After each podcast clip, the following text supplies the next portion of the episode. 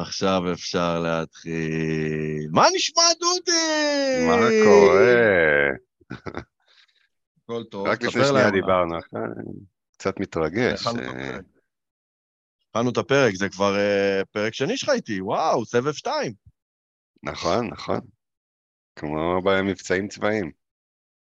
בואנה, אני חייב להגיד ש... פעם קודמת שדיברנו, אמרתי לך שהשותף שלי להכל הקואוצ'ר אה, שונמך משמעותית בלוק וזה, אם אתה זוכר.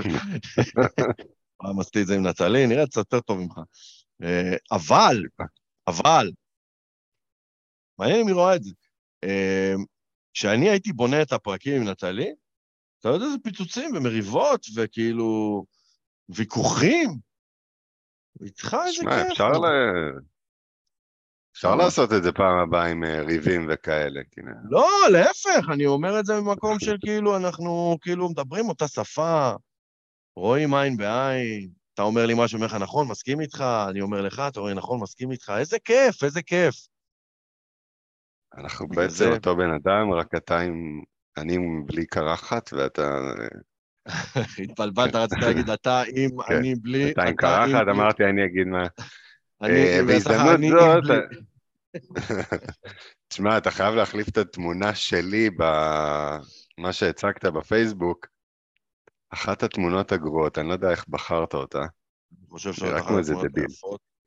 אז בבקשה, אתה מוזמן לשלוח לי תמונה אחרת, שאתה נראה בה. כמו דביל. זה הקריטריון. זה הקריטריון. טוב, אדוני, הגיע הזמן לעבור לפתיח. אז ברוכים הבאים לעונה השלישית של ה PodCoach שלנו, הכל ה coacher, הפודקאסט עם כל מה שמאמן צריך. בתוכנית אנחנו הולכים לדבר על אימון, על אתיקה, על ניהול עסק, על mindset, ופה ושם גם על האיזון הכל כך חשוב שבין העסק לחיים. בכל תוכנית הפורמט יהיה בדיוק באותו אה, אה, הדבר, אותו הדבר. נציג את הנושא, נדבר על ההתנגדויות, המחסומים, הבעיות וכל האתגרים בנושא, נציג פתרונות פרקטיים ותכלסים ונסכם באיזו הברקה שתעיף לכם את הראש בשאיפה. היום יש חתיכת הברקה. אז פרגנו לנו בלייקים ובלבבות, כי היום אני ודודי בישלנו לכם פרק עסקי בנושא המעבר הכל כך קשה משכיר לעצמאי. אבל רגע לפני שמתחילים, קצת אבדה איכותי. מה נשמע, דודי? מה קורה? מה, למה אתה צוחק? לא, לא אהבת את זה? הנה, אני רואה שלילך, חשבתי שעשינו את האבדה. מה? אני רואה שלילך פה איתנו. אה, שעשינו אותו? לא, לא עשינו אותו. האבדה הראשון הוא אבדה לא איכותי, האבדה הזה הוא אבדה איכותי. אהה, הבנתי, הבנת? הבנתי. למשל, באבדה אה, איכותי כן. אפשר לספר לעולם שהיום יש לנו השתלמות בסטנדרט, נכון, ואתה מבריז. נכון, זה- זה האבדה האיכותי. לדבר על זה נכון. שאני מבריד. כן, ולמה אתה מבריז? כי אין לך סידור לילדים. אה, נכון. אתה גורם לי להרגיש אשם. איזה זה מבט מאוכזב גם. על זה, על זה נאמר, זה סיבה? אה, אתה צודק, שיסתדרו, הם בני שנה וחצי ושש ותשע. שיסתדרו. תשע, תשע זה גיל נורא פשוט להסתדר, אני לא, לא מבין את הבעיה. התשע לא יכול לשמור על השנה וחצי? לא יודע להביא בקבוק. אה, אתה צודק, אתה צודק. אתה עוד נותן בקבוק? שנה וחצי. שנה וחצי זה עוד... יש עוד בקבוקים? אה, לפני השינה ככה, ל- להירגעות לפני השינה, בקטנה. הוא כן. נרדם. כן. אני, הקטנה שלי בת שנתיים וחצי, אני עוד במלחמת... אה, אני, אני מרגיש, אני מרגיש שאנחנו כבר בפיניש של הטיטולים, שאנחנו כבר עוד. שנייה הגמילה נגמרת, היא נלחמת, היא לא פריירית, הילדה. אה, זהו, ואז נשאר לי רק להגיד להתראות למוצץ בלילה ובשנ"צים, ולהתראות. גם השנ"צים זה, זה קטע, זה גם השנ"צים האלה דופקים לך את כל היום. מתי זה נגמר? בשלוש? אה, שנ"צים, אה, כמה שיותר מהר, אני לא, אני לא יודע. אה, בגדול זה לא, לא טוב, אנחנו לא בעד שנ"צים. מה זאת אומרת? זה דופק לך את הלילה. לא, לא. יש את ההתפתחות ויש את ההתפתחות שלנו, ה- אתה יודע, החיים שלנו, למה אנחנו צריכים ללכת אה, לא, לישון, לא אני למה הילד צריך לישון שנ"צים, בתשע? הבנתי את זה, אבל אז זה גורם לה לישון מאוחר יותר. אם אני דוחה לה את השנץ, מבטל אותו, עכשיו יתקפו אותי כל ה... כן, ממש. וזה, דוחה אותו ללילה, לשבע. הוא נרדם בשבע, נגמר העסק. אחרי, אם יש שנץ, זה הופך להיות תשע, אתה מבין? כן, אבל אם אתה רוצה שהילד שלך יגיע ל-NBA, אה, נכון. אה... אתה רוצה שהוא יישן הרבה. יישן הרבה? מתי הוא יצמח? אתה מבין? נכון. איך המושג. עכשיו אתה מבין למה זה הוודא איכותי לעומת ההתחלה. זה איזה רמה של נכון. שיח, אתה מבין? לגמרי. אז אה, הילדה שלי בת שנתיים וחצי, דורין, והיא עדיין אה, בשנ"צים, אה, סיכמנו אני ומיתר שזה ימשיך עד גיל שלוש כזה, שהיא כבר לא תרצה בגדול, אבל היא עדיין... תשמע, אני רואה שאם לא- היא לא ישנה שנ"צ, אז היא מגיעה לשש בערב, היא מתחילה להיות עצבנית, ולא בא לי. אז תשאל. אבל זה דופק קצת היום, זה קוטע לי את התוכניות, אתה יודע, שבת, רוצים זה, צריך לחזור לשנ"צ, ישנה באוטו, זה נהיה בלגן. אני גם רגילה לישון. גם אני אוהב לישון. בוא נכון. נישן, בוא נלך לישון.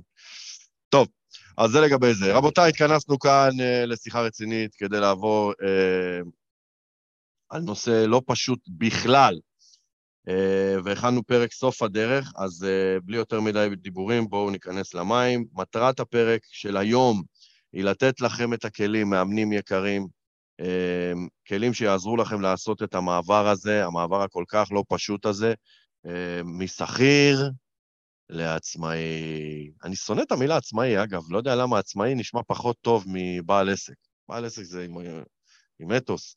מבין? עצמאי זה נכון. כזה, נכון? אבל זה מה שזה, לא יעזור. אה, אוקיי, אז מה החסם הראשון, דודי היקר? אה, רגע, אתה רוצה שאני אתן שתי מילים על עצמי? למה אני... אה, נכון, זה מה שרציתי להגיד. אני רוצה, כן, תודה שאתה אה, הזכרת לי. בשמחה, בשמחה. אז אני, אה, אני בהכשרה שלי מתכנת, אני מהנדס תוכנה, אה, ועבדתי במשך אה, קרוב לעשור בהייטק, בחברות גדולות כמתכנת, כמוביל טכני, מוביל פרויקטים של תוכנה, ולאט לאט, ב-2019 בעצם עשיתי את קורס האימון שלי, והבנתי שזה מה שאני רוצה לעשות בחיים, ועכשיו הייתה תוכנית רק איך, איך אה, לעשות את המעבר הזה. אה, היום אני כבר מתעסק אה, ב-100% בנושא של התפתחות אישית, יש לי גם את האתר של Mentor Card בעצם, שזה איזושהי אה, אה, יוזמה אה, שלי ושל ירדן סטמפו, ששם אני משלב את שני העולמות האלה, גם של התכנות, כי אני תכנתתי את האתר, וגם של ההתפתחות האישית, שזה מטרת האתר, אה, וגם מאמן אישי. אה, אז אה, עשיתי את המעבר הזה, אנחנו, אנחנו נדבר על זה, אבל uh, עשיתי את המעבר הזה והיו אתגרים לא פשוטים, וכל מה שאני אגיד היום זה רק מהסיפור החיים שלי, הסיפור שלי ונקודת המבט שלי. לא מתיימר להיות פה איזה איש מקצוע שנותן הנחיות ליציאה לעצמאות. זהו. אבל אני כן אגיד שסיפרת את כל מה שהכי משעמם בעצם בסיפור שלך ובכמה מילים עליך. ואני אגיד לך נכון. למה. אוקיי, וטוב שהזכרת לי, כי רציתי להגיד את זה, אבל כרגיל שכחתי ואת זה לא כתבתי. אה, כמו שאתם יודעים או לא יודעים, אני ודודי בסטנדרט ביחד כבר... אה, מי סופר? מאז שהוא. נולד. משהו כזה, כן, נובמבר, אה, משהו כזה, נובמבר 20. אה, נכון. ואחרי תקופה מסוימת בסטנדרט, דודי לקח אותי לשיחה בארבע עיניים, בהשתלמות שהוא הגיע אליה בעבר. הגעתי לכל ההשתלמויות חוץ מלזאת, ההשתלמות הראשונה שאתה לא מגיע. לדעתי הייתה עוד אחת שלא הגעת. אבל לא משנה, אני לא שלוש סופר. שנים. אתה מוכן לתת לי לדבר? אתה קוטע אותי, לא נעים לי. סליחה, אה, מתנצל. אז אה, דודי לקח אותי לשיחה ואמר לי, אבירם, אנחנו צריכים לדבר, אני אומר לו, מה? אה, קיבלתי החלטה, אני הולך להתפטר מהעבודה. אני צריך אה, שנחשוב איך אנחנו הולכים לעשות את זה בצורה הכי חכמה שיכולה להיות. עכשיו, להיות בנעליים של דודי ולהגיד את האמירה הזאת, דורש, אני אגיד את זה, שני זוג. ביצים גדולות. שתי, זוג, זוג, זוג ביצים גדולות. מצד שני, להיות בנעליים שלי ולשמוע את דודי אומר את זה, לא דורש כלום, בתכלס. אבל הסתכלתי על דודי, אני, אני לא אשכח את זה בחיים, הסתכלתי על דודי, ואמרתי, איזה כיף, Welcome to the club, הולך להיות לך חיים, הלאה, יוסטו ולהקתו, אני לא יודע אם אתה זוכר את זה. אתה יכול להיות לך סבל אמיתי, ודפקתי לך חיבוק, ומאז, אה, זאת אומרת, אנחנו צועדים בתלם הזה. ו... וזה סתם ככה קוריוז, בגלל זה גם בחרתי לדבר איתך על, באמת על הנושא הזה. אה, כמו שאמרת, לא כי אתה איזה פינה, איש פיננסים שמומחה לאיך עושים את המעבר הזה בצורה בטוחה, אלא כי אתה עושה את המעבר הזה. ואני כן. באופן אישי, כשאני הולך ללמוד דברים, לא להתאמן, ללמוד דברים, אני רוצה ללמוד מאנשים שעשו את זה. אה, הם יודעים הכי טוב, הם חוו את הכל, על כל קשת הרגשות גם. אז זה לגבי זה, אז טוב שאמרת לי את זה, וחזרנו למטרה. המטרה היום היא לתת לכם את כל הכלים שיכולים, יוכלו לעזור לכם לעשות את המעבר הזה משכיר לעצמאי. אני כבר אומר לכם, הסבירות שהיום נעמוד בזמנים שואפת לאפס, אבל אם אמרתי את זה מראש, אז מותר. טוב, אז מה החסם הראשון, דודי? אז החסם הראשון והכי די ברור מאליו זה כסף. זאת אומרת, אה, איך יהיה לי כסף? אני עובר לעצמאי, אין לי, לא יהיו לי לקוחות, לא יהיה לי כסף, אני לא יודע מה יהיה בחודש הבא, איך אני אקלקל את הבית, משכנתה, עניינים, כסף. זה, זה החסם הראשון והכי מהותי, אני חושב. חד משמעית, פחד אלוהים. לחשוב שבחודש הבא לא ייכנס לי משכורת, מפחיד. אוקיי. נכון. אז אה, אין צורך להרחיב פה. מה המחסום השני, או האתגר השני? אתגר שאני חוויתי אותו, אה, זה אתגר עם הסביבה הקרובה, ואיך הם יגיבו לזה. אני נשוי, יש לי גם ילדים, ואיך ההורים שלי יגיבו לזה, איך אשתי תגיב לזה, איך ההורים של אשתי יגיבו לזה. זה, זה סיפור, אני לא, אני אישית לא לבד בהחלטה הזאת, אני כביכול גורר איתי עוד אנשים.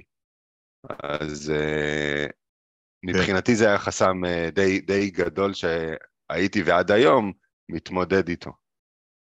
ואתה יודע, במידה מסוימת זה גם אה, לא רק איך הסביבה תגיב לצעד הזה, כי אנחנו עוברים להיות עצמאים, אנחנו גם מאמנים, והרבה פעמים הסביבה גם מגיבה לזה כאילו, מילא להיות עצמאי, אבל מאמן? יש בזה כסף כן. בכלל? מה זה מאמן? מה זה הדבר הזה? זו השאלה שאני כל הזמן שומע. יש בזה כסף? שזו שאלה, תראה, מצד אחד אנחנו כבר עוברים לפתרונות, כאילו היא מובנת, היא לגיטימית, בסדר? לא הרבה מאמנים עושים אה, קריירה מהדבר הזה. אה, אבל שאלה מציקה. נכון, שאלה מציקה. טוב, מה כן. הבעיה השלישית, חביבי? זה יותר בעיה שאני העליתי לדעתי. Uh, הנושא הזה של החוסר ודאות, של ה... מה יהיה בחודש הבא, גם אם ב... מה אנחנו עכשיו? גם אם באפריל הצלחתי. מי אמר שבמאי כן. אני אצליח? גם אם במאי הצלחתי, מי אמר שביוני אני אצליח? אני יודע שכשאני שכיר, כנראה שבאפריל, מאי, יוני, יהיה לי את אותה משכורת עד להעלאת שכר הבאה. אוקיי? כאילו, יש לי ודאות מסוימת. אז אפשר לבוא ולהגיד, נכון. מי אמר שלא יפטרו אותך? זה לא בשליטתי, נכון? נכון? אבל אני יודע שאם יפטרו אותי, אז אני בסדר, אז אני אהיה תקופה ב... ב, ב לא, לא סגור על עצמי, אני אקבל קצת uh, דמי אבטלה, ואני אמצא עבודה חדשה, כאילו... אני לא בטלן, אני לא אה, מתכנן לחתום uh, ביטוח לאומי כל החיים. אני לא נכה. ואני אמצא עבודה. אוקיי? כאילו, נכון. מה התקופה הכי ארוכה בחייך מאז שאתה בן אדם בוגר, שהיית בלי עבודה? אה, לא היה כזה. כאילו, רק מ... לא היה כזה. אתה מבין? לא היה כזה, אז כאילו... אה, אז, אז יש המון ודאות שם והמון ביטחון במקום הזה, ביחד עם אם דיברנו על כסף, ובעולם העצמאות, אין. אני לא יודע מה יהיה. עכשיו, נכון. גם אם אני יודע מה יהיה, כי אתה יודע, אני שומע כל מיני מנטורים עסקיים, בואו לבנות תחזית עסקית, בואו לבנות תחזית עסקית. סבבה. אם בניתי תחזית, תחזית עסקית שהיא מתוקתקת עד הבורג האחרון, זה עדיין לא אומר שאני אעמוד בה. זאת אומרת שהיא תקרה. גם, ה, נכון. גם, גם תחזית מזג אוויר מפספסים לפעמים. זה תחזית, זה לא מבטיח שום דבר. וזה נכון. מקום קשה, זה מקום זה, הנה עובדה עם הקורונה עכשיו. כל בעלי העסקים הכי מצליחים, אה, שהיו להם, תחז... להם תחזיות עסקיות אה, מדהימות וכבר אה, עסקים מאוד מאוד מצליחים בקורונה, הרבה נפלו. כי נכון. מי חזה את הקורונה? אתה נכון. מבין? מי חזה שלא נוכל להיפגש פיזית כמה שנים? אז, אז אה, אין לנו, כמו שאנחנו יודעים, אין שליטה על התוצאות, יש שליטה על, ה, על התהליך ועל הפעולות שאנחנו עושים, ואין שום הבטחה לכלום. באמת. אה, אוקיי, אז נעבור- לאתגר הרביעי והאחרון. הנושא שזה של... אתגר אה, המשמעת עצמית. בדיוק. לעומת כן. החיצונית. נכון. אה, ב- כעצמאי, אין מה, אין מה לעשות. כאילו, אם, אם אתה, אתה לא תשב לעצמך ותעשה את הדברים, זה פשוט לא יקרה, ואף אחד אחר, אם אתה בהתחלה רובנו one man show, אף אחד לא אה, יעשה את זה. זה לא כמו שבעבודה כשכיר יש אה, בוס שנותן איזשהו פטיש על הראש ואתה צריך לעשות את המשימות. ומתזכרים לך וגם אומרים לך מה לעשות. כעצמאי לא אומרים לך מה לעשות. אוקיי? זה אתה אומר לעצמך. אם אתה רוצה לקחת גם איזה יועץ עסקי, ש... אז אוקיי, הוא אומר לך מה לעשות, וזה אולי אחד הפתרונות, אבל, אבל ה-to-do list הוא שלך, אתה בונה אותו. אה, גם לפנות ליועץ זה עסקי. אני רואה את זה אפילו יותר, אה, אני לא יודע מה המילה, בצורה חמורה יותר ממך. ולמה הכוונה? כשאני שכיר, אני הולך לעבודה, 800, אני שם כמו חייל. למה? כי אני מפחד שיפגעו לי בשכר, אני מפחד להיכנס לשיחת נזיפה אצל הבוס. אני מפחד שלא ייתנה לי את הקידום הבא, אני מפחד שאני לא אתקדם, אני נורא נורא נורא מונע מפחד. אני לא מדבר על אלה שאתה יודע, הולכים לעבודה כשכירים ממקום של תשוקה, אני, מדבר, אני מדבר על אלה שכאילו, לא, אני חייב בשמונה להגיע לעבודה, מה לעשות? זה, אחרת אני אחטוף על הראש, אוקיי? כן. לעומת זאת, אמ, כשאני עצמאי, אני יכול להגיע לעבודה בתשע, נגיד שיש לי אפילו משרד משלי, אני יכול להגיע בתשע. מה יקרה? מה אני, אני, מה, מה אני אעשה לעצמי? אתה מבין? אף אחד לא ייתן לי על הראש. אין לי פחד מהבחינה הזאת. והדבר היחידי שכאילו דופק לי בראש זה אם אני לא אצליח, אני אחזור להיות שכיר, בהנחה שזה מספיק מפחיד כדי להיות חייל כל בוקר ולהגיע בשמונה, אבל אה, אני חושב שזה בא לידי ביטוי בצורה הכי בולטת, בבוקר כשקמים מהמיטה, אוקיי? השכיר יעשה סנוז אולי פעם אחת בלחץ, יתכנן סנוזים, כי הוא יודע ששבע ורבע הוא חייב לקום. והעצמאי יכול להגיד לעצמו, היום אני מכבד את השעון, אני אקום בעשר, יאללה. אתה מבין? כן. וזה, העצמאים זה, ה mindset אה, לא מברזל. כן, כי שוב, כי אני לא מונע מאיזשהו פחד של אה, יקרה לי משהו אם אני אאחר לעבודה בחמש דקות. אין לי את זה כעצמאי. ולכן, אני חייב להבין שאין לי משמעת, הרי מה זה משמעת חיצונית? משמעת חיצונית זה, זה בוס, זה מאמן כדורסל, זה מישהו שבא עם פטישים, וכשאני עצמאי, אני הבוס של עצמי. אז כשאני כן. הבוס של עצמי, אני חייב לפתח איזושהי, אתה יודע, מנטליות ברזל שכזו, שאומרת, שבע ורבע, אין מצב, אני קם מהמיטה, שמונה אפס אפס, אני יוצא, אוקיי? ולא לוותר לעצמי. כאילו להיות הבוס לעצמי, כמו שהייתי רוצה להיות, אה, כמו שהייתי הבוס לעובדים שלי, אתה יודע, רוב העצמאים, אם היה להם עובד כמו שהם עובדים, היו מפטרים אותו מזמן. בדיוק, עכשיו, כן. למה זה אתגר מהבחינה הזאת? כי כאילו, מי, מי שהוא לא כזה, כאילו הוא עצלן, הוא דחיין, הוא מוותר לעצמו. להיות עצמאי יהיה האתגר הכי גדול בחיים שלו. ואולי זאת הסיבה שאנחנו מדברים על הנקודה הזאת הכי הרבה. כי הוא יתגבר על הפחד, סבבה, יצא לעצמאות. הוא יתמודד עם הסביבה, אוקיי, לא מפריע לו. הוא יכול לחיות עם אי-ודאות, בסדר.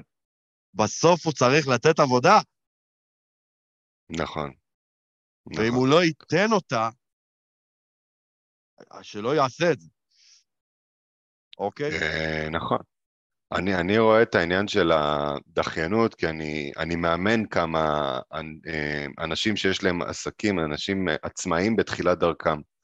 והעניין של הדחיינות, שהם דוחים את המשימות וזה, אז הם בהתחלה אומרים עליהם, על עצמם שהם אה, עצלנים, או חסרה להם אה, אה, אה, התמדה, נחישות, ובסוף אנחנו מבינים שהם דוחים כל מיני משימות כי הם פשוט, הם, הם מלחיצות אותם המשימות האלה.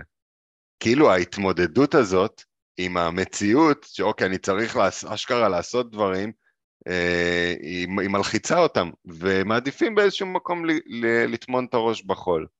אתה מבין? לא להתמודד עם זה, ואם רגע אני אחכה עם האתר, ואולי איזה סרטון, אז אני, בסדר, אני אמתין עם זה, אני רוצה לבנות אסטרטגיה.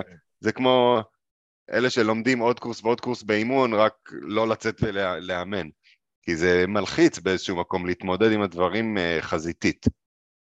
וזו לדעתי מה שאני אני חושב פשוט שבמידה פה... מסוימת, נכון, אתה צודק, כי אני חושב שבמידה מסוימת להיות עצמאי אומר שאתה הולך לצאת מאזור הנוחות על בסיס יומי.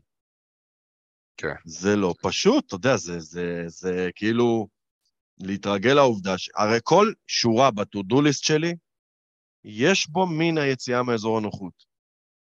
בכל פסיק שאני צריך לעשות שם. יש משהו שפחות נוח לי, משהו שפחות בא לי.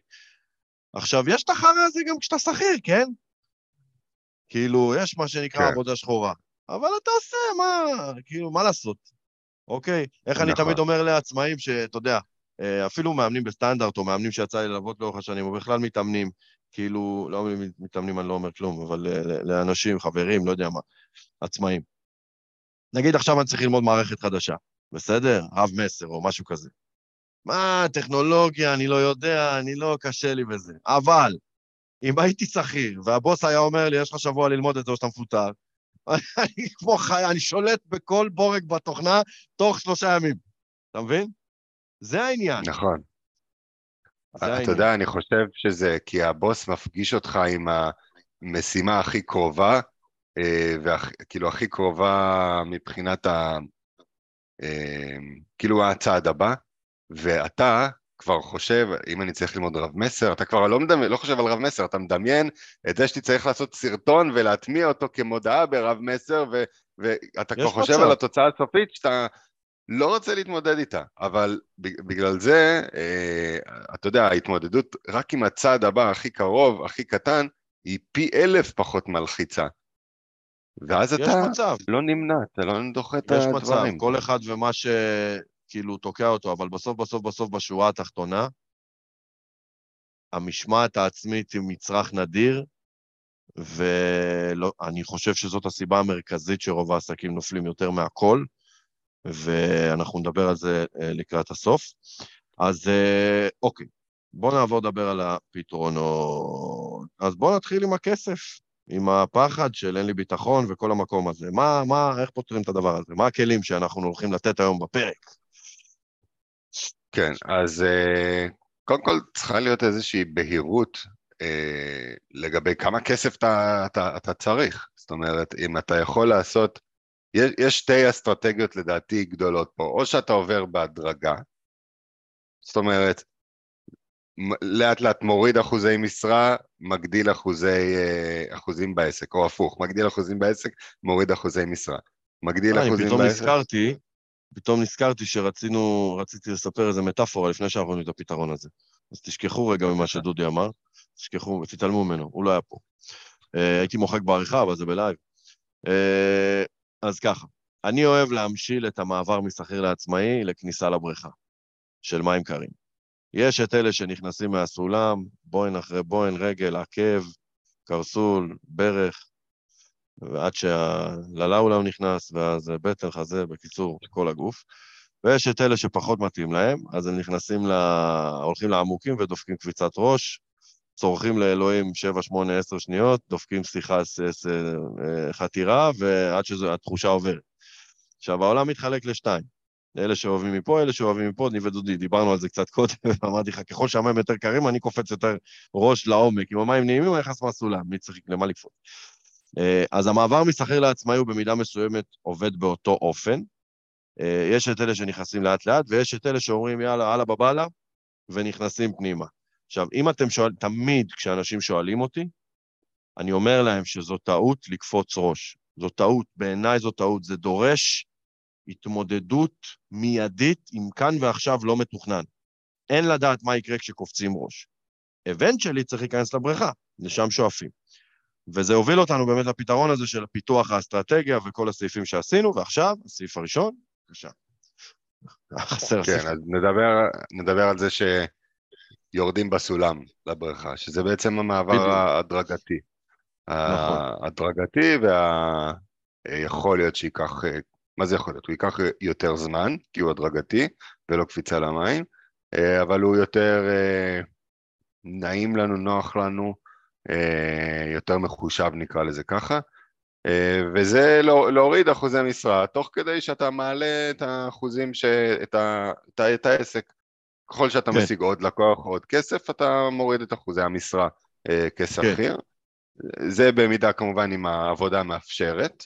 למשל בהייטק כמתכנת כמעט אין אה, משרות כאלה של אה, פחות מ-100 80 במינימום, אולי לאימהות, אה, אבל אז גם אנחנו יכולים פשוט למצוא משרה אחרת שכן מאפשרת את המעבר ההדרגתי הזה. נכון, כי עכשיו כן כל לעבור. האלה שיושבים וצופים ואומרים, אבל אני לא יכול בעבודה שלי להוריד משרה, אוקיי? אז האופציה השנייה כן. היא באמת אה, למצוא עבודה חדשה בחצי משרה. אתה יודע, עכשיו כשאני חושב על זה, אני חושב שהמסר העיקרי אה, ב, בשיחה הזאת זה להבין מבחינתי ש, שתמיד יש עוד אפשרות. זה לא, נכון. אין, אין רק, אה, זאת האפשרות היחידה ש, שיש, תמיד יש עוד אפשרות. אם בעבודה שלך דברים לא מסתדרים, תהיה יצירתי, לך תחפש עבודה אחרת.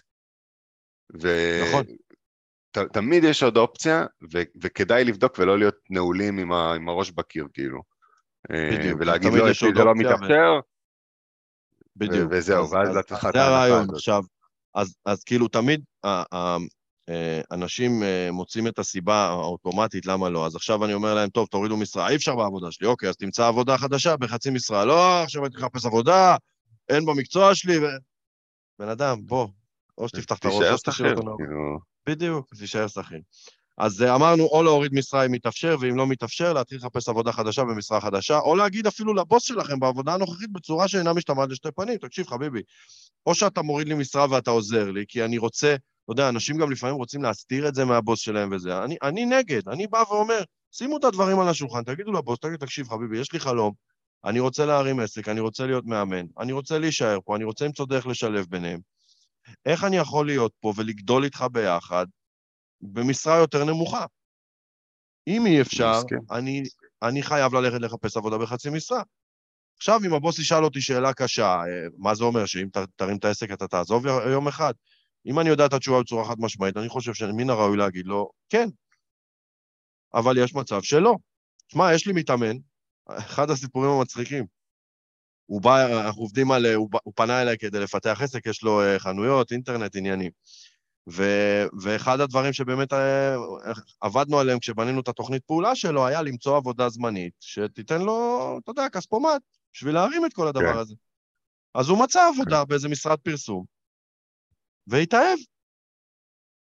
עכשיו, הוא, הוא בא אליי איזה, הוא אומר לי, שמע, אני, הבוס הקקה שלי, אני לא יודע איך הוא עושה את זה, הוא פשוט כל הזמן מוצא דרך לגרום לי להתאהב בחברה.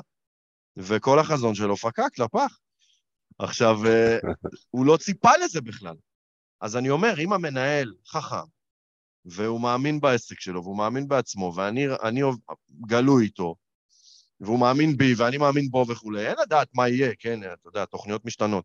אבל uh, אני בעד שקיפות ואני בעד להגיד את הדברים דוגרי כמו שהם, ואני גם בעד להגיד לו, תשמע, אם זה לא יתאפשר, אז, אז הכל בסדר, אז אני אתן לך הודעה מוקדמת ואני אחפש עבודה במשרה אחרת, במשרה נמוכה יותר, כאילו, אתה תגיד מה שאתה רוצה, אבל אין, אבל, לא, אבל אין מה לפחד להגיד את הדברים, כי מקסימום הוא יעשה לי נו נו נו, ואני אמצא עבודה חדשה. לא צריך לפחד במקום הזה. אז זה אה, נכון. ב', אה, ג', נכון. אמרנו לקפוץ למים. אוקיי? עכשיו, אני אמרתי קודם שאני נגד המקום הזה. אממה, יש אנשים שאם אני לא בועט אותם לבריכה, הם לא ייכנסו לחיים, בחיים. אתה מבין?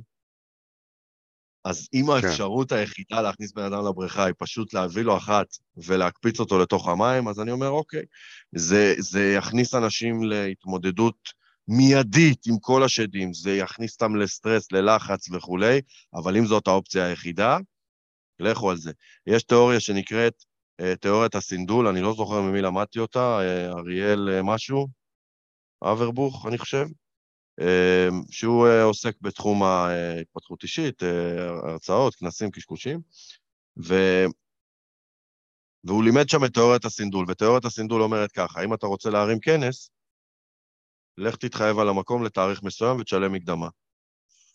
עכשיו אתה תרים כן. את הכנס. אתה מבין? כן. אז זה היה לקפוץ למים. כמו שאם רוצים לרוץ מרתון, לך תירשם לתחרות, תשלם, תשלם על התחרות, ואז תתחיל להתאמן. בדיוק. כן. עכשיו, זה לא לקפוץ למים כמו שאנשים נרשמים לחדר כושר לשנה במחיר מנוי של 60 שקל לחודש. זה לא לקפוץ למים, זה לא מעניין, וזה גם בגלל זה לא גורם לאנשים להתמיד, אוקיי?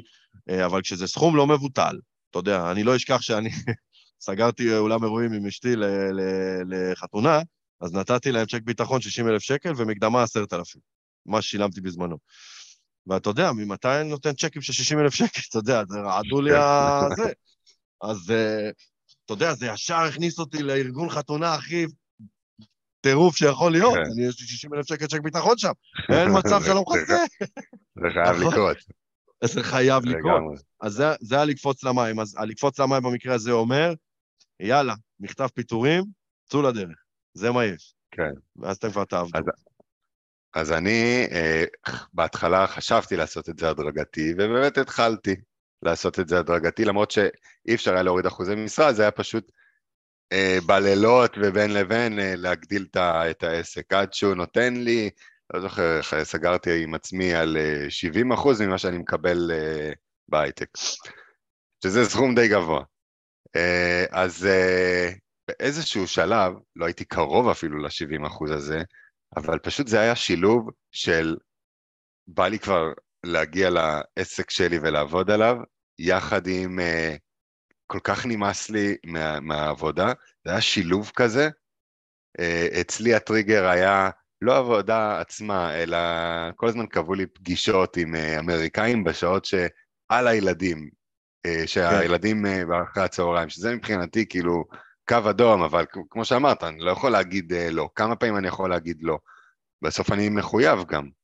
Uh, וה, וההתנגשות הזאת של שני הדברים האלה, בסוף באתי לילנה, אשתי, אמרתי לה, אני, אני לא יכול יותר כבר, הם קבעו לי עכשיו ישיבה מעכשיו לעכשיו, ואני צריך להיות וזה, וכאילו בראש צעקתי אליה, לא בפה, רק בראש צעקתי אליה, אני מתפטר.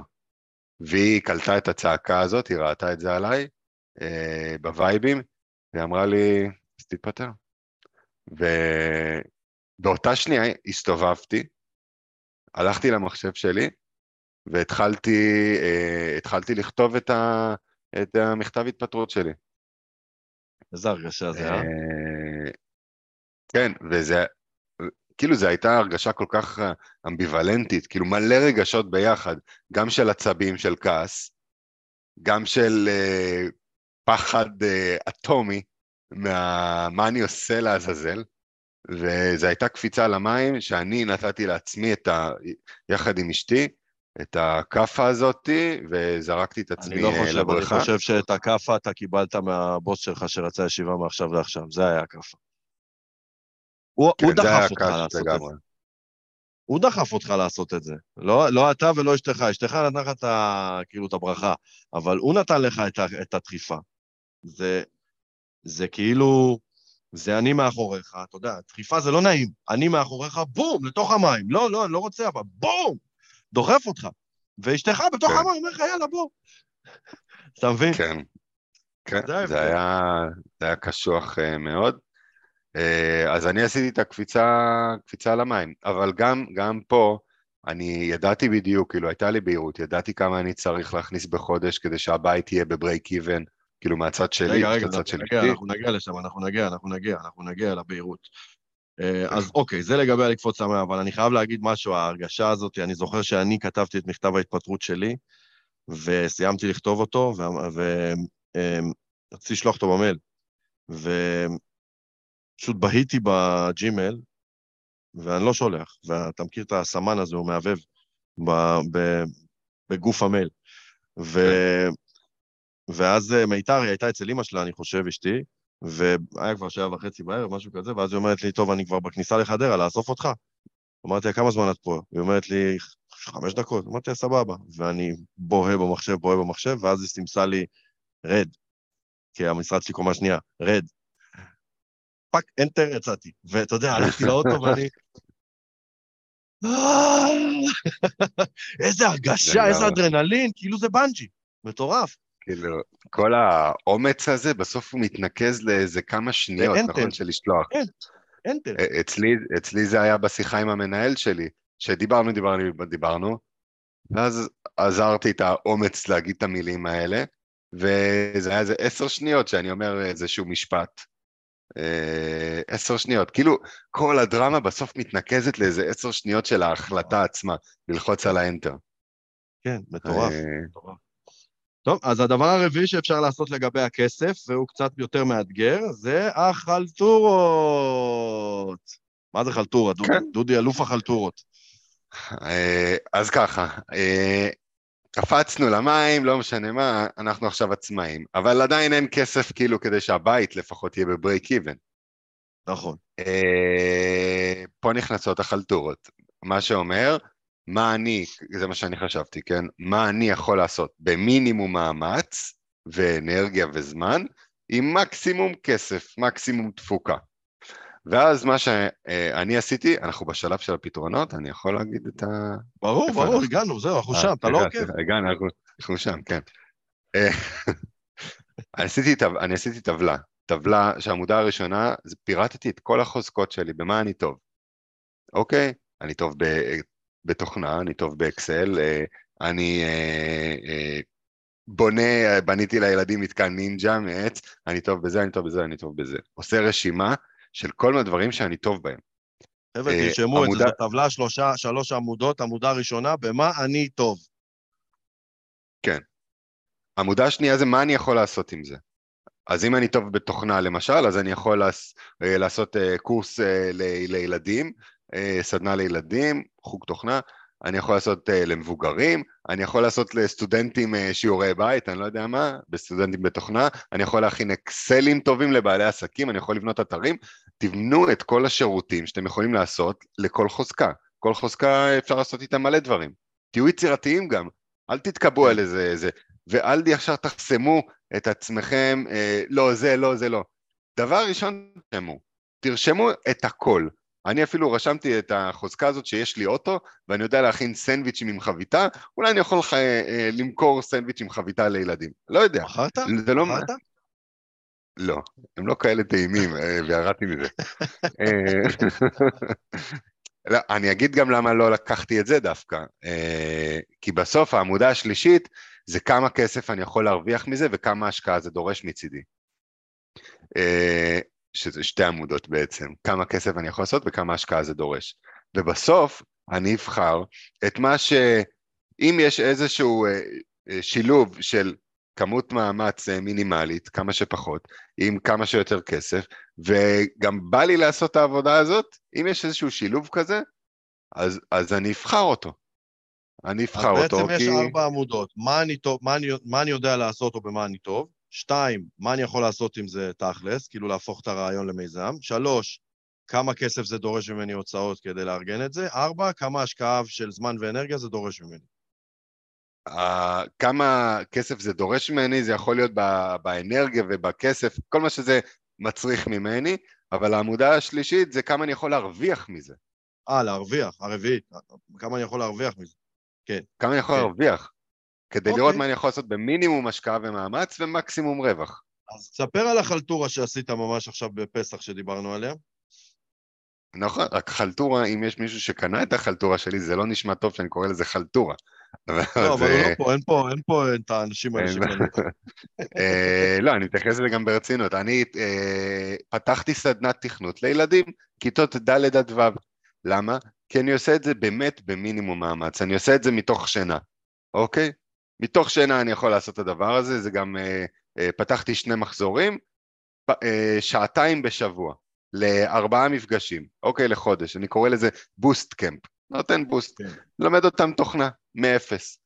אה, ההשקעה, אה, לשכור חדר זה בערך איזה 300 שקל, אה, משהו כזה, וכמה אני יכול להרוויח מזה? אז אני תמכרתי את זה ב-500 שקלים לילד, לכל הסדנה הזאת, זה שמונה שעות, זאת אומרת ילד אחד מכסה לי את ההשקעה אה, של ה-300 שקל לשכור חדר, ואם אני מביא בשאיפה, כן, 20 ילדים, שני מחזורים, כל ילד, כל מחזור עשרה ילדים, שזה בגדר ההגיוני, עכשיו, אה, אז זה סוגר לי פינה של הבית, אני ברייק איבן עם הבית. עכשיו תשמע, כן, אני חייב להגיד משהו לגבי ההערה שזרקת קודם. חלטורה זה סתם מילה עם אה, תדמית שלילית. חלטורה זה אומר אה, גיג, קוראים לזה באנגלית, גיג. זה כאילו, כאילו פרויקט זמני קטן, כמו עבודה זמנית שאני עושה, אני לא בהכרח אצלי התשוקה שם. אבל זה נכון. בא לתת ערך לעולם, זה בא לעזור לאנשים, ולכן זה נקרא חלטורה. אני יכול לשתף אותך בחלטורה שלי שעשיתי לפני הרבה שנים אה, עם אשתי. אה, בתחילת דרכי היה לי מאוד קשה לעשות סרטונים בלי לקרוא את הטקסט, נורא התקשיתי במקום הזה, אז אשתי אה, איכשהו, לא יודע, את שאל אותי, מאוד יצירתית, בנתה פרומפטר. מחומרים שיש במקסטוק. עזר לי מאוד, הקפיץ אותי 700 דרגות בסרטונים שלי, ואז אמרתי, רגע, יש פה רעיון. הלכתי לבדוק, טטי-טטה-טטי-טטה. אה, מפה לשם, עלות החומרים עלה משהו כמו 50-60 שקל במקסטוק, אוקיי? ואמרתי, יאללה, בוא נעשה פיילוט. לקחתי פרסום, עשיתי מודעה, שמתי אותה בקבוצות של uh, עסקים, uh, ורשמתי, מי שרוצה פרומטר, בהזמנה אישית לפי מידת הטאבלט שלכם, איסוף עצמי מחדרה, אוקיי? עולה, לא יודע מה, 450, 500 שקל על הזמן של מיתר, תמכרתי את זה, משהו כזה. העפתי כמו בוטנים. עד שמיתר אמרה לי, די, אין לי כוח לעשות את זה יותר. אבל, אה, אבל כאילו, זה, זה חלטורה, אוקיי? בחיים לא נכון. חשבתי שאני אמכור פרומפטרים, בחיים האלה. בחיים. וזה בעצם כאילו יציאה מהכל או כלום הזה, נכון? או שאני עצמאי נכון. ובמאה אחוז על זה, אבל, אבל, אבל צריך להמתין שנייה, כאילו כרגע אתה לא יכול, יש אנחנו, כמו שאמרנו, אנחנו לא לבד בעולם ויש בית ויש uh, חובות לשלם ו- וזה. בסוף, אם יש משהו שיעזור לך לרומם את כן. העסק, שזה החלטורה הזאת מהצד, למה לא? כאילו בוא נהיה יצירתי. למה לא? ונחשוב מה כן. אפשר לקרוא לזה כסף קל, כסף מהיר, משהו שיבוא בקלות, כסף קל, כסף מהיר. אז עכשיו בתקופה האחרונה אני יכול להגיד שעשיתי אה, מלא הרצאות, חיפשתי, ואתה יודע, אולי לקרוא להרצאה חלטורה זה קצת כביכול לא נשמע קשור, כי כאילו זה במקצוע שלי, אבל, אה, אבל חיפשתי כל מיני דברים, מה שמוביל אותי גם לדבר האחרון שמאוד יכול לעזור במקרים האלה של המעבר משכיר לעצמאי, אה, סביב הכסף, זה הנושא של הזכויות שלנו וההחזרי מס שלנו. כן. אחד הדברים שמאוד יכול, עזרו לי בתחילת הדרך כעצמאי, זה שפתאום, כי פתחתי עוסק והלכתי לרואה חשבון, בום, קיבלתי החזר מס. זה נותן נכון. אוויר. זה נותן אוויר. לחתום בלשכת אבטלה, נותן אוויר. אה, ללכת, אתה יודע, לבדוק עם אנשי מקצוע, אם אין לי רואה חשבון, ללכת לאנשים, ליועצי מס שמתמחים בהחזרי מס, לשלם להם את העמלה שהם זקוקים לה. אין לכם מושג כמה כסף יכול להיות שמגיע לכם, וכל הדבר הזה נותן אוויר. זה כאילו אני קונה לעצמי, לצורך העניין קיבלתי עכשיו, המשכורת שלי, סתם דוגמה, היא עשרת אלפים שקל, וקיבלתי החזר מס, שלושים אלף שקל. קניתי שלושה חודשים, אוקיי? נכון. זה נשמע הזוי לאנשים להגיד, אוקיי, אני מרוויח 30 אלף שקל משכורת, אז אני יכול לקנות טלוויזיה, אני יכול לטוס לחו"ל, אני יכול, אני יכול, אני יכול, לא יותר מ-30 אלף שקל. לא הגיוני. כן. אוקיי? אז, אבל כשאני עצמאי, אני אומר לעצמי, אוקיי, אני מכניס איזשהו סכום, ואני אומר, זה, כל הסכום הזה במלואו הולך להיות המשכורת שלי, כי לקחתי עכשיו, קיבלתי החזר מס, הוא המשכורת שלי. וממנו אני טס לחו"ל אם אני רוצה ועושה את כל הדברים. זה לא אקסטרה כסף שנפל עליהם מהשמיים. כל החלטורות האלה הם המשכורת שלי. ו... ברור, זה קונה לנו את הזמן, כמו שאמרת. זה קונה לנו את הזמן. אוקיי, אז זה באמת, אה, לא סתם נתן לנו הרבה זמן. מה? כן. זה, זה כאילו, זה, זה, זה חובה לעשות את זה. זה לא משנה אם אתה קופץ למים, אם אתה לא קופץ למים, אבל אתה רוצה להיות עצמאי, אתה חייב להבין מה הזכויות שלך, מה מגיע לך, אה, אחרת איך, איך תוכל לתכנן את זה?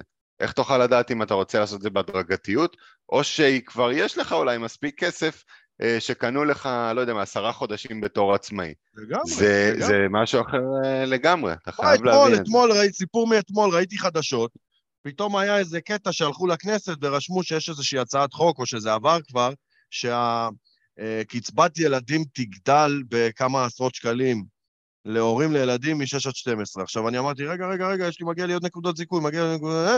ואז ראיתי 6 עד 12, אמרתי, אה, הגדול שלי 4 וחצי, לא מעניין, אוקיי? אבל צריך, אין לדעת כמה חוקים קיימים, אה, ואני חייב להיות על זה. עכשיו מתקשר לעורך חשבון שלי, בנצי, שומע, הבנתי, מגיע לי עוד נקודות זכות, שים לב. זה, זה, זה כסף, זה כסף. נכון. אז זה לגבי זה. טוב, אז על כסף דיברנו ודיברנו הרבה, בואו נדבר על הסביבה. היום יהיה פרק כפול. סביבה. מה עושים איתם? אה, מה עושים איתה? אז אני אשתף שהסביבה שלי, אה, לא אגיד אה, מאיזה צד, אבל של אשתי, סתם, אה, הם, כן, רק עכשיו קלטת את הזה. היה לי מאוד מאוד מאוד קשה איתם, לקחו את ההחלטה בצורה מאוד מאוד חמורה, אה, וגם הפסיקו לדבר איתי אה, וואו. כמה חודשים טובים, אה, וגם עם אה, אשתי אה, לא מעט זמן, אה, ועד היום יש, אה, אה, יש, אה, יש אה, בטח, ניצנים בטח, ממה שהיה. בטח. כן. אני דגלתי בכמה דברים. אחד זה גבולות. אוקיי, גבולות uh, שפשוט בשיחה די, uh, uh, די קשה. Uh, לא רציתי שהיא תהיה קשה, אבל התגלגלה להיות כזאת. הצבתי גבולות לגבי, לגבי ההתערבות. אוקיי, לא המעורבות, ההתערבות כבר שנהיית בחיים, ו... אה, בלהגיד לנו מה לעשות והאם הבחירות שלנו נכונות או לא נכונות. אז, אה, אז הצבת גבולות זה סופר סופר אה, קריטי היה מבחינתי. גם לאט לאט הבנתי שפחות לשתף. זאת אומרת, הבנתי שכשאני משתף אותם ספציפית, אוקיי, או בכלל אנשים קרובים שלי שלא ראו את זה בעין טובה או היה קשה להם עם זה, השיתוף הוא מעיק, הוא, זה לוז-לוז, הם גם זה גורם להם לעוד שאלות ולעוד uh, חששות, וגם uh, לי בסיטואציה הזאת uh, לא נעים. השיתוף במקרה הזה הוא לא עוזר, הוא פשוט לא עוזר, לי לפחות. אז החלטתי להפסיק, להפסיק לשתף. שואלים אותי uh, מה נשמע? יופי, הכל בסדר. זה, זה האסטרטגיה שאני uh, נקטתי, שגם צריך להגיד שגם היא הרחיקה, אוקיי? היא, היא הרחיקה.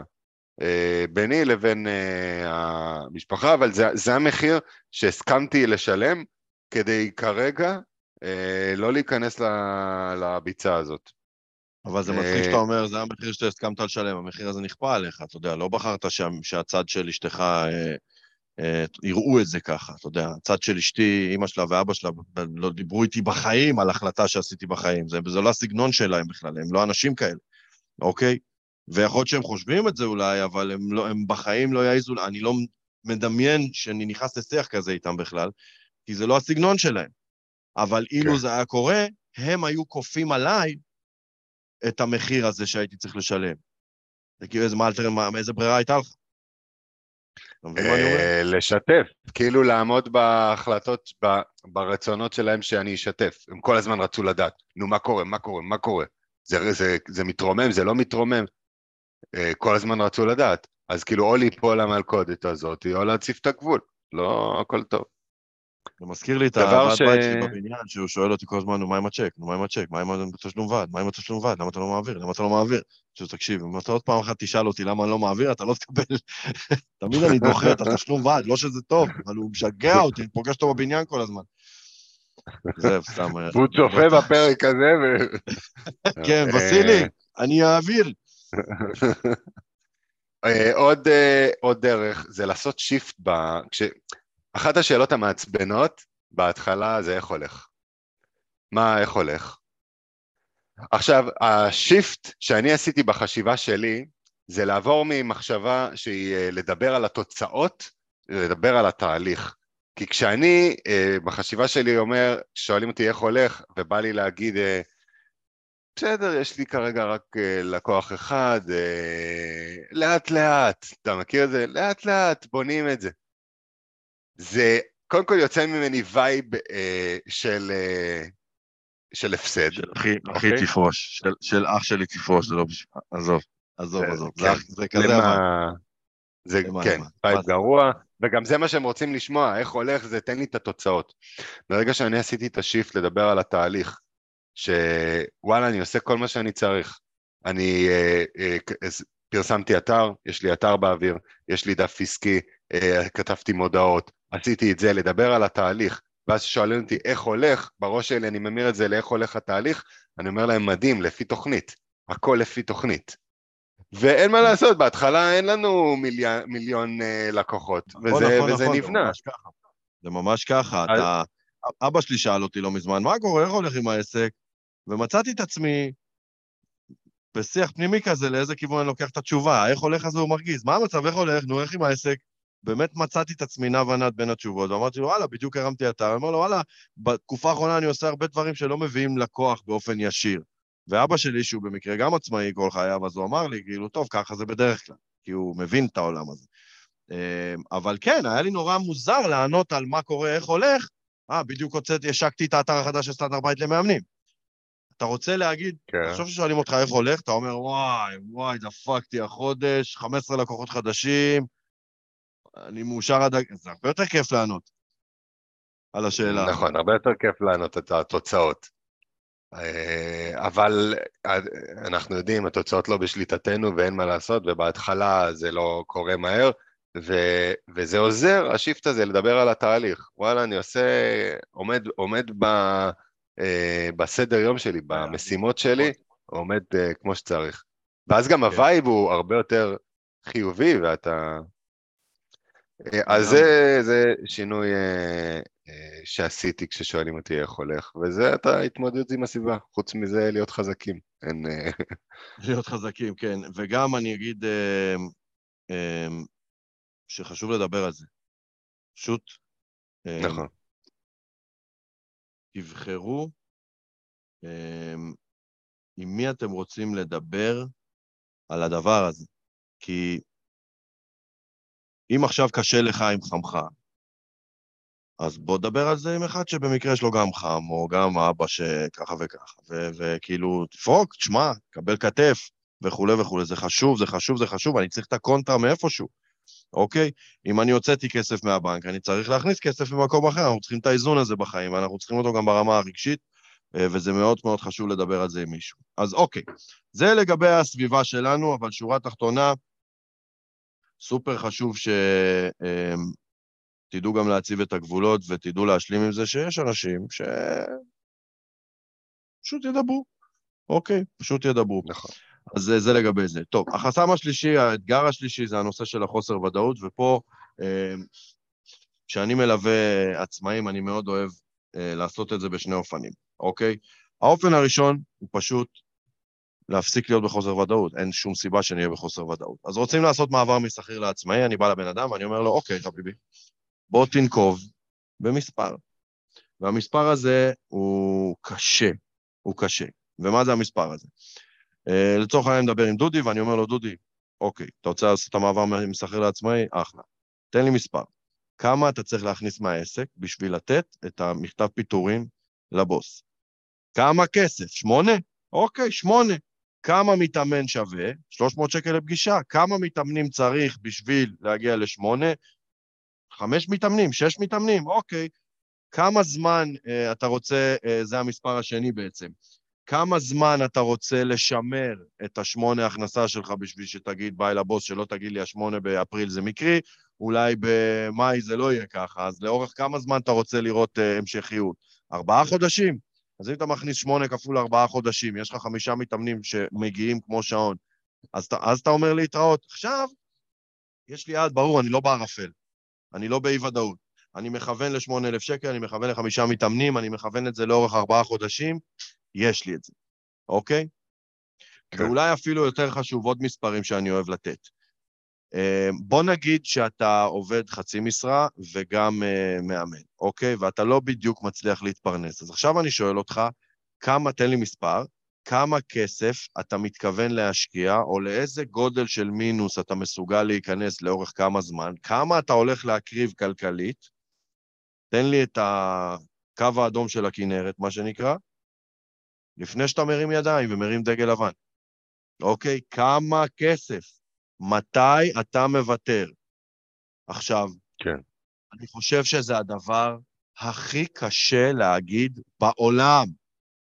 אוקיי? במידה מסוימת גם אני לא הכרזתי קבל עם ועדה את המספר, כי אני מרגיש שכל פעם שאני מכריז אני משקר לעצמי, ואני יודע שכשהוא יגיע אני פשוט אגיד מספר חדש. אבל אני באמת חושב שזה סופר חשוב, זה אחריות, זה בגרות, וזה נותן שקט וזה נותן ודאות. אז כשאנשים באים ורוצים לעשות את המעבר משכיר לעצמאי, וואי, אני רוצה להרים קליניקה, אני לא יודע איך לעשות את זה, ולא יהיה לי כסף וכן יהיה לי כסף. אומר לו, בן אדם, מה הבעיה? כמה כסף? כמה אתה רוצה להכניס מהעסק בשביל שתתפטר? כן, אבל מי אמר שחודש הבא? אין בעיה, אז כמה זמן? חמישה חודשים, חצי שנה, הכל טוב. עכשיו, יש לי מטרה ברורה, יעדים, מדידים. הגעתי, נכון. יותר קל לי לקפוץ למים, אוקיי? אז זה דבר ראשון.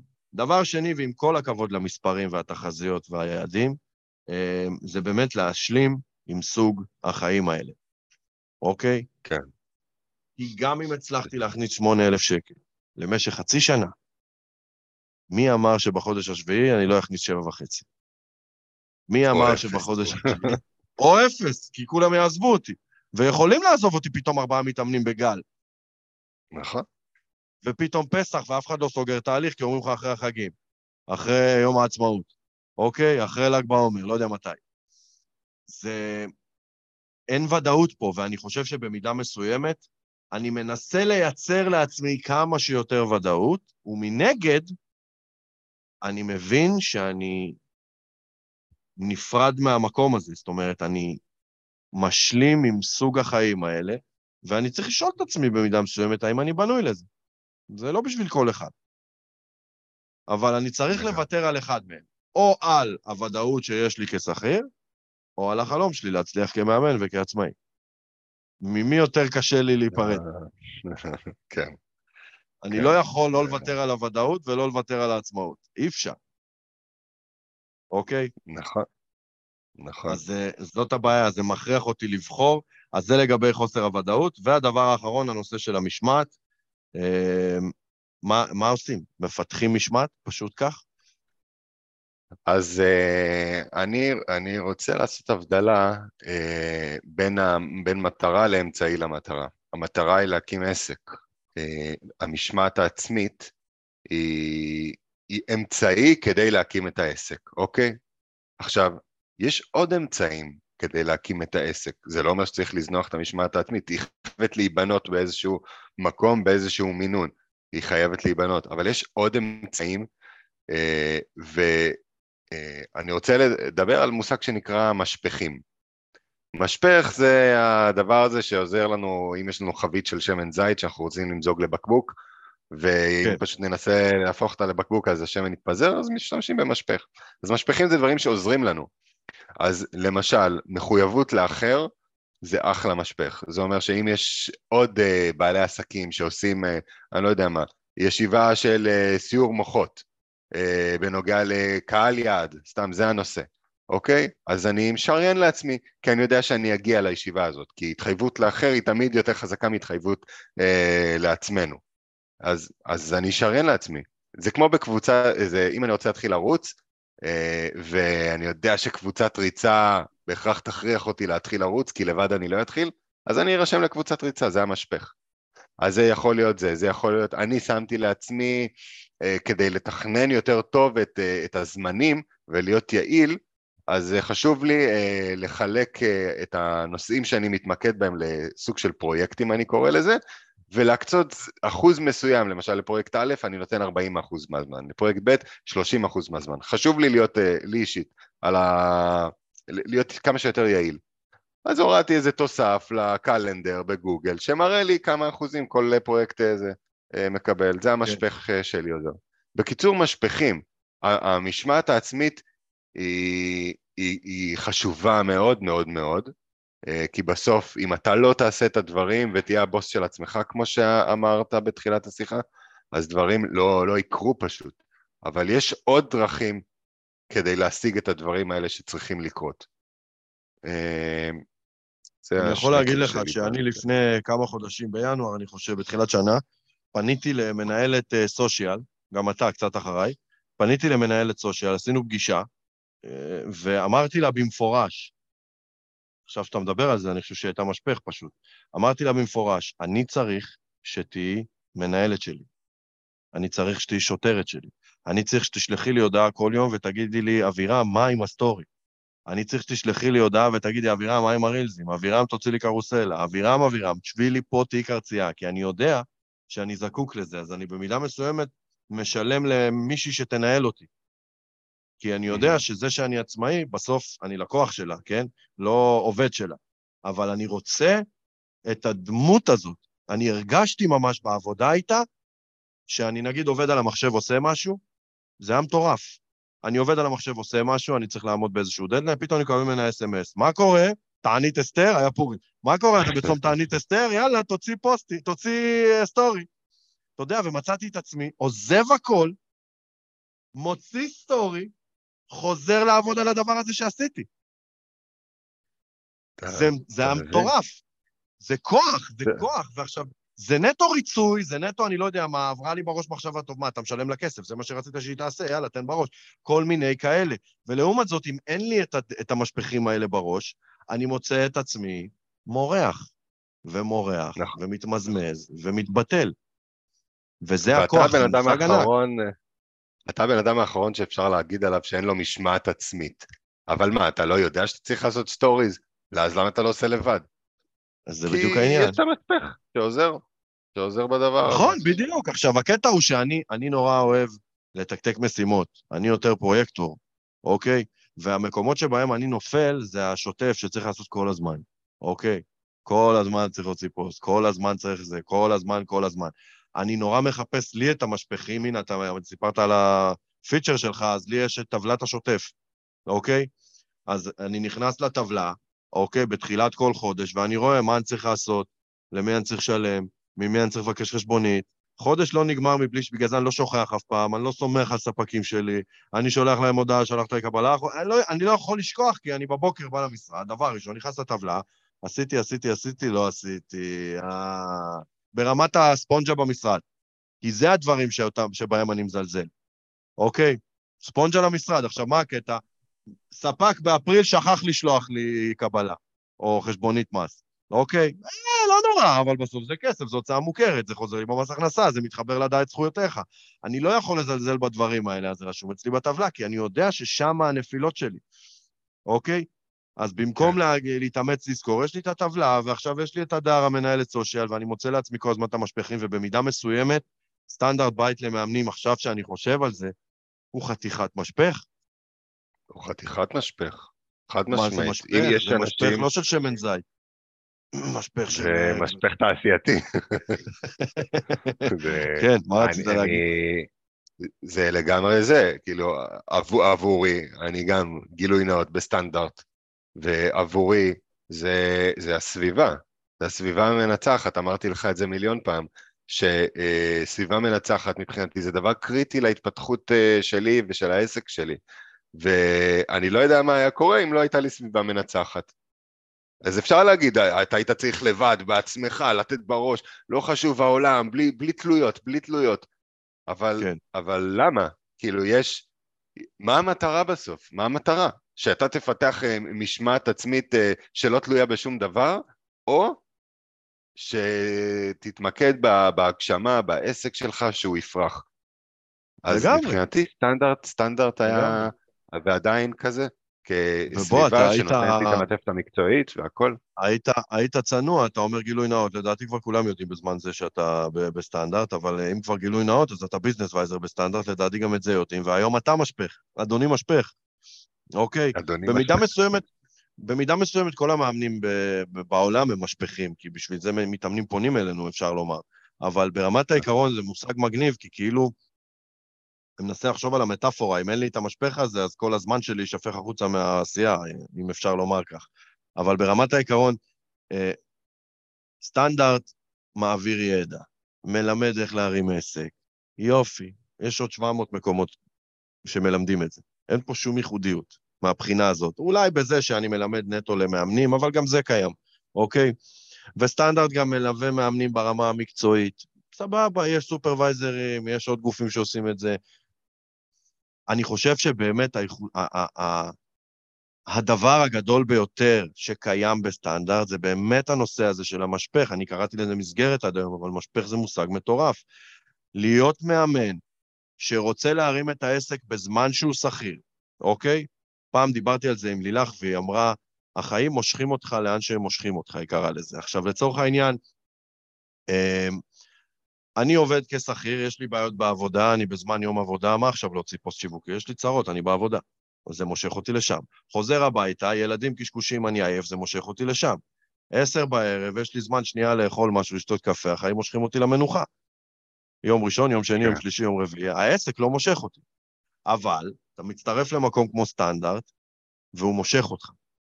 הוא אומר לך, נכון. חביבי, עבודה לא עבודה, תן בראש, אתה צריך להוציא את המשימה, יש דדליין, אתה חייב לעמוד במשימה, עד הפגישה הבאה זה וזה וזה וזה חייב לקרות. ובלי לשים לב, המאמנים עובדים. אין מאמן בסטנדרט שלא נמצא בעשייה. וזה גם מחבר אותי לשאלות שאנשים שואלים אותנו בסביבה, איך הולך? עשייה. אוקיי? doing, doing, doing.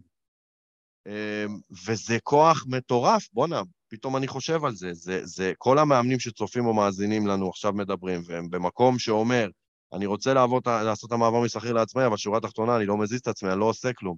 חבר'ה, המקום בשבילכם זה סטנדרט מהבחינה הזאת, כי בזה הכוח שלנו, במסגרת, בעובדה שתמיד יש בן אדם אחד או שניים או שלושה על הראש. אמ, ואם אתם לא בעשייה, נתקשר, מה קורה? מה קורה? למה אתה לא בעשייה? מה קורה? זה כזה. וזה חשוב, כמו. שאדם שלך לי. מה? כמו הוועד בית. כמו הוועד. בית, מה עם הצ'קים? מה עם הצ'קים? זה כזה, וואי, הוא נודניק. אה, אין דברים כאלה. משפך זה נודניק, כשחושבים על זה. הדבר האחרון שאני רוצה להגיד בהיבט הזה של משמעת עצמית הוא הדבר הבא.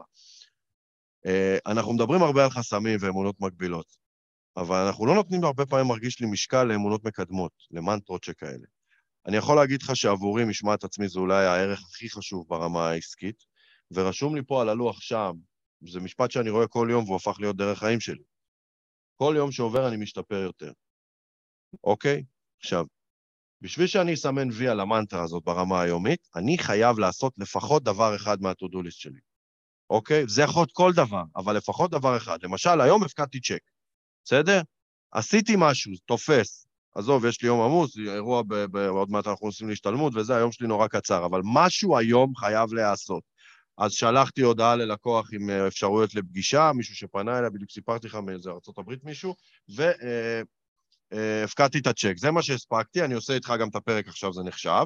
ואחרי הפגישה שלנו יש לי כמה טלפונים להספיק לעשות, להתארגן פה על הציוד להשתלמות, ואולי אני אצליח לדחוף משהו, אבל אני אומר, אין מצב שאני חוזר הביתה, וזה אולי הדבר הכי חשוב בעולם. אין מצב שאני באתי ביום ראשון בבוקר למשרד, או יום חמישי, לא משנה, וחזרתי ביום חמישי בערב הביתה, כשהעסק שלי באותה נקודה, ברמה התהליכית. לא יכול להיות מצב בחיים, אם דבר כזה יקרה, זה רק כי אני חולה או כי יום שבת ולא הייתי. אין מצב, משהו בטודוליסט שלי יימחק. ופה האמונה המקדמת שלי נכנסת. אם יקרה מצב שבאתי יום חמישי בבוקר למשרד וחזרתי אחרי צהריים הביתה ושום דבר לא זז, אני אלקה את עצמי ואני אגיד לך, מגיע לי, ובצדק, ולא סתם אלוהים נתן לנו את הדבר הזה. יש לו משמעות, יש לו צד חיובי. אם אני מלקה את עצמי כי אני פרפקציוניסט, על לא עוול בכפי, זה רע, אבל אם אני מלקה את כן. עצמי כי לא עשיתי כלום כי אני עצלן, מגיע לי. וטוב שזה קיים, אם זה לא היה קיים לא הייתי עושה כלום. אז אני אומר, נכון. עבורי זה ה game changer הכי גדול, הכי גדול. כל יום שעובר אני משתפר יותר, אה, אז זה ככה אה, לגבי הדבר הזה. אז אני עושה ככה, דיברנו על מלא דברים, אבל אני, אני רוצה לעשות ככה חזרה קצרה על הכל לפני שעוברים להברקה. אה, אז לגבי הכסף ואיך אני אחיה, מפתחים אסטרטגיה, אפשר להוריד משרה בעבודה הנוכחית, אפשר למצוא עבודה חדשה בחצי משרה, אפשר לקפוץ למים אם אין ברירה וזאת האופציה היחידה, אפשר לפתח כל מיני חלטורות, צריך לדעת מה החזרי מס שלי, זכויות שלי, אבטלה שלי ו- וכל מיני כאלה. בנושא של הסביבה, צריך לדבר על זה עם מישהו, למצוא איזו סביבה חזקה לצידי. על השאלה, איך הולך עם העסק? אה, צריך לענות בהתייחס לתהליך שאני עובר ולא לתוצאות שיש לי או אין לי.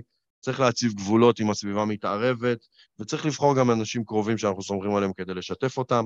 אה, בעניין של חוסר הוודאות, חבר'ה, תנקבו במספר, תבחרו אותו ותהיה לכם ודאות, מספר להכנסה כדי להתפטר, מספר לכסף שאתם רוצים אה, להשקיע כדי אה, להגיד אחרי שהכסף הזה נגמר, אני חוזר להיות שכיר, כמה זמן אני רוצה לשמר את ההכנסה הזאת כדי להתפטר וכולי, ולהשלים עם סוג החיים האלה, כי זה חי... אלו הם חייו של בעל עסק.